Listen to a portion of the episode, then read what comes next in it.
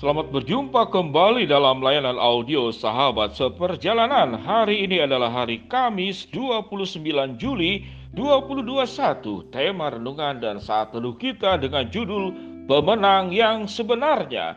Pemenang yang sebenarnya. Firman Tuhan terambil dalam Matius pasal yang ke-12 ayat yang ke-20. Demikian bunyi firman Allah. Buluh yang patah terkulai tidak akan diputuskannya dan sumbu yang pudar nyalanya tidak akan dipadamkannya sampai ia menjadikan hukum itu menang. Mari kita berdoa. Bapa yang di dalam sorga, tatkala kehidupan kami mengalami penindasan, penekanan, fitnah, tindakan-tindakan yang dirugikan kehidupan kami. Kami ingin belajar ya Tuhan, bagaimana kehidupan kami itu memahami tentang menang dan kalah itu secara benar sehingga kami tidak salah jalan dalam kehidupan ini. Di dalam nama Tuhan Yesus kami berdoa. Amin. Shalom sahabat seperjalanan yang dikasih Tuhan. Kalau hidup ini adalah sebuah pertandingan, maka hanya ada dua, menang dan kalah. Kita kalau kalah berarti kita tidak menang. Kalau kita menang berarti kita tidak kalah. Memutar balikan kalimat namun menekankan tentang apa artinya menang dan kalah. Sahabat seperjalanan yang dikasih Tuhan, seorang sahabat seperjalanan bercerita bahwa dia difitnah dan begitu sakit luar biasa, sekalipun tidak menjelaskan difitnah di dalam hal apa. Kalau dahulu saya waktu muda saya akan melawan, saya akan hajar dia. Kalau dia tampar pipi kiri, saya akan tampar pipi kanan. Kalau dia tenang, saya juga akan tendang satu kali. Kurang lebih begitu, gigi ganti gigi. Bahkan mungkin dia bisa mengatakan itulah hukum yang terjadi di perjanjian lama. Gigi ganti gigi, tangan ganti tangan, kurang lebih seperti demikian. Namun hukum itu adalah Tuhan yang menegakkan, bukan kita yang menegakkan. Sahabat seperjalanan, perasaan menang dan perasaan kalah, kalah dan menang di dalam diri manusia sering kali itu adalah perasaan dan bukan kebenaran. Mengapa Pak Pendeta itu dikatakan perasaan? Misalkan sewaktu kita bisa membalas di hadapan saudara, di hadapan sahabat seperjalanan, kita sudah merasa menang. Minimal sudah bisa membalas apa yang dilakukannya. Namun rupanya Tuhan punya hukum yang berbeda. Apa yang dikatakan oleh firman Tuhan? Kalau engkau ditampar, tampar pipi kiri, berikanlah pipi kanan. Kalau engkau disuruh berjalan satu mil, berjalanlah dua mil. Kalau musuh itu melakukan hal yang jahat, balaslah kejahatan dengan kebaikan maka sulit dimengerti pemahaman menang dan kalah itu dari sudut kebenaran firman Allah sangat sulit dimengerti. Kalau dengan pemahaman dan konsep kita dan mengikuti apa yang Tuhan perintahkan, maka sesungguhnya hidup ini kita tidak pernah memenangkan dalam kehidupan ini. Kita akan menjadi orang yang ditindas, mudah ditekan, mudah disingkirkan, mudah diperlakukan tidak adil, Apakah pemahaman kita tentang benar dan salah itu seperti demikian? Jadi apa itu pemenang sebenarnya? Sahabat seperjalanan yang dikasih Tuhan, kalau berbicara tentang Yesus datang ke dalam dunia, lalu disalibkan, dipukul, dipaku, terbunuh oleh manusia, maka konsep daripada manusia adalah kekalahan.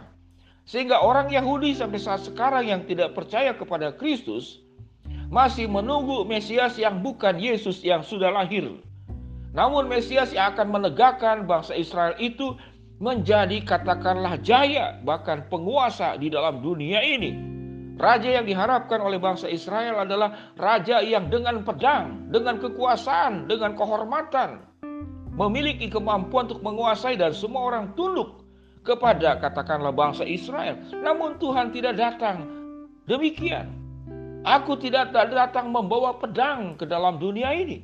Namun Tuhan datang membawa kasih, membawa pengampunan, membawa keselamatan, dan membawa berita kebaikan bahwa orang yang percaya di dalam Kristus akan mendapatkan hidup yang kekal. Itu janji kebenaran firman Allah.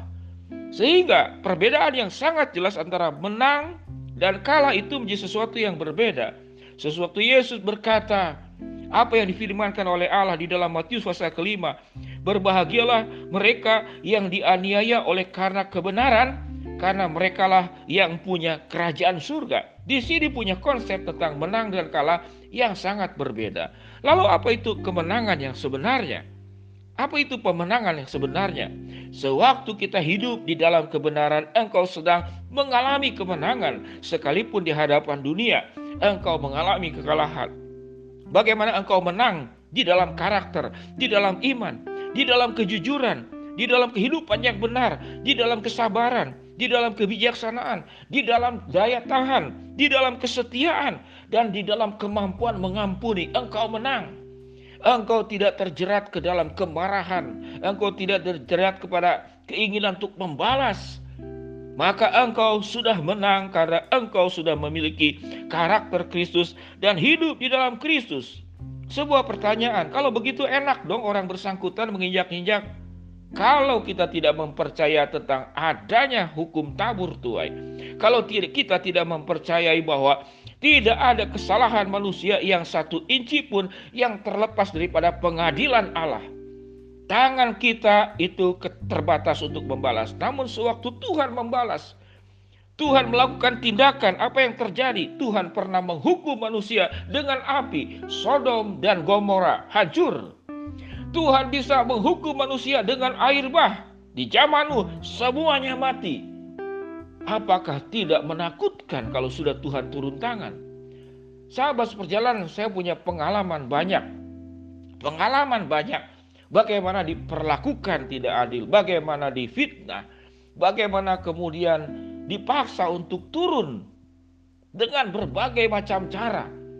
Dan itu terjadi di dalam pelayanan, bukan di dalam dunia umum. Sahabat seperjalanan, saya tidak akan bercerita itemnya satu persatu karena kita tidak sedang membahas kekurangan orang lain. Namun sewaktu saya menyerahkan kepada kebenaran firman Allah, satu persatu mana yang benar dan mana yang tidak benar, itu Tuhan ungkapkan terang benderang, tidak sesuai dengan waktu kita. Kalau kita punya waktu ingin cepat, orang melakukan kejahatan hari ini juga dibalas oleh Tuhan. Orang melakukan keburukan hari ini juga dibalas oleh Tuhan. Tuhan tidak demikian. Kadang Tuhan bisa membalas dengan sakit penyakit orang tersebut mengalami sakit yang luar biasa. Kadang dengan musibah. Kadang dengan kegagalan. Kadang orang itu mengalami penolakan. Kehidupannya tragis. Tetapi kita tidak perlu mendoakan orang itu tatkala berbuat jahat dengan doa-doa pembalasan. Itu hak sepenuhnya Allah. Serahkanlah ke dalam tangan Allah karena tangan Allah punya kuasa jauh lebih besar daripada tangan kita. Tidak ada perbuatan kejahatan yang buruk itu lepas daripada pengamatan Tuhan. Firman Tuhan dalam Pemasmur dikatakan apa? Mata Tuhan ada di segala tempat, mengawasi setiap kehidupan, tindakan, kelakuan hidup manusia, baik yang baik maupun yang buruk, tidak pernah akan terlepas.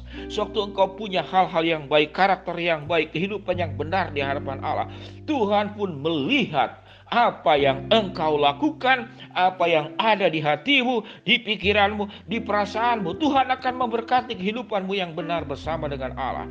Dan Tuhan akan bertindak untuk setiap perbuatan ketidakadilan yang terjadi. Baik fitnah, baik tekanan, baik merampas kesewenang-wenangan, intimidatif, mengancam, bahkan bisa membunuh menghancurkan masa depan orang. Orang tersebut tidak pernah akan lepas daripada hukuman Allah dan campur tangan Allah dan setiap kita akan diminta pertanggungjawabannya. Sahabat seperjalanan, siapa pemenang yang sesungguhnya? Firman Tuhan berkata, buluh yang patah terkulai tidak akan diputuskannya dan sumbu yang pudar nyalanya tidak akan dipadamkannya. Tuhan akan menjadi pembela yang maha sempurna untuk dirimu. Jadilah pemenang yang sebenarnya dengan hidup bersama dengan Allah, dengan karakter Allah, hidup dalam kebenaran dan Tuhan akan membela engkau di atas ketidakadilan yang terjadi dalam dunia ini. Mari kita berdoa. Bapa yang di dalam sorga ya Tuhan hambamu berdoa untuk seolah seorang sahabat seperjalanan yang ibundanya meninggal. Tuhan akan berikan penghiburan yang terbaik untuk sahabat seperjalanan ini. Hambamu juga berdoa ya Tuhan buat seorang anak remaja yang tidak betah di rumah, berontak dan ingin meninggalkan rumah, Tuhan kuatkan anak ini dan yakinilah tatkala orang tua tidak bisa memberikan kasih yang sempurna. Ada Tuhan yang mencintai, ada Tuhan yang akan membimbing, menolong anak yang baru remaja ini untuk tidak salah jalan, tetap hidup benar bersama dengan Tuhan. Bapak yang di dalam surga ya Tuhan, hambamu juga berdoa buat sahabat seperjalanan yang menjadi inspirasi untuk menceritakan tentang kepahitan hidup. Tuhan yang menolong untuk kepahitan yang ada. Jamah sembuhkan yang sakit, bukakan jalan yang sedang punya masalah. Tuhan kabulkan doa kami yang kami mohonkan sesuai dengan kehendak-Mu. Di dalam nama Tuhan Yesus kami berdoa. Amin.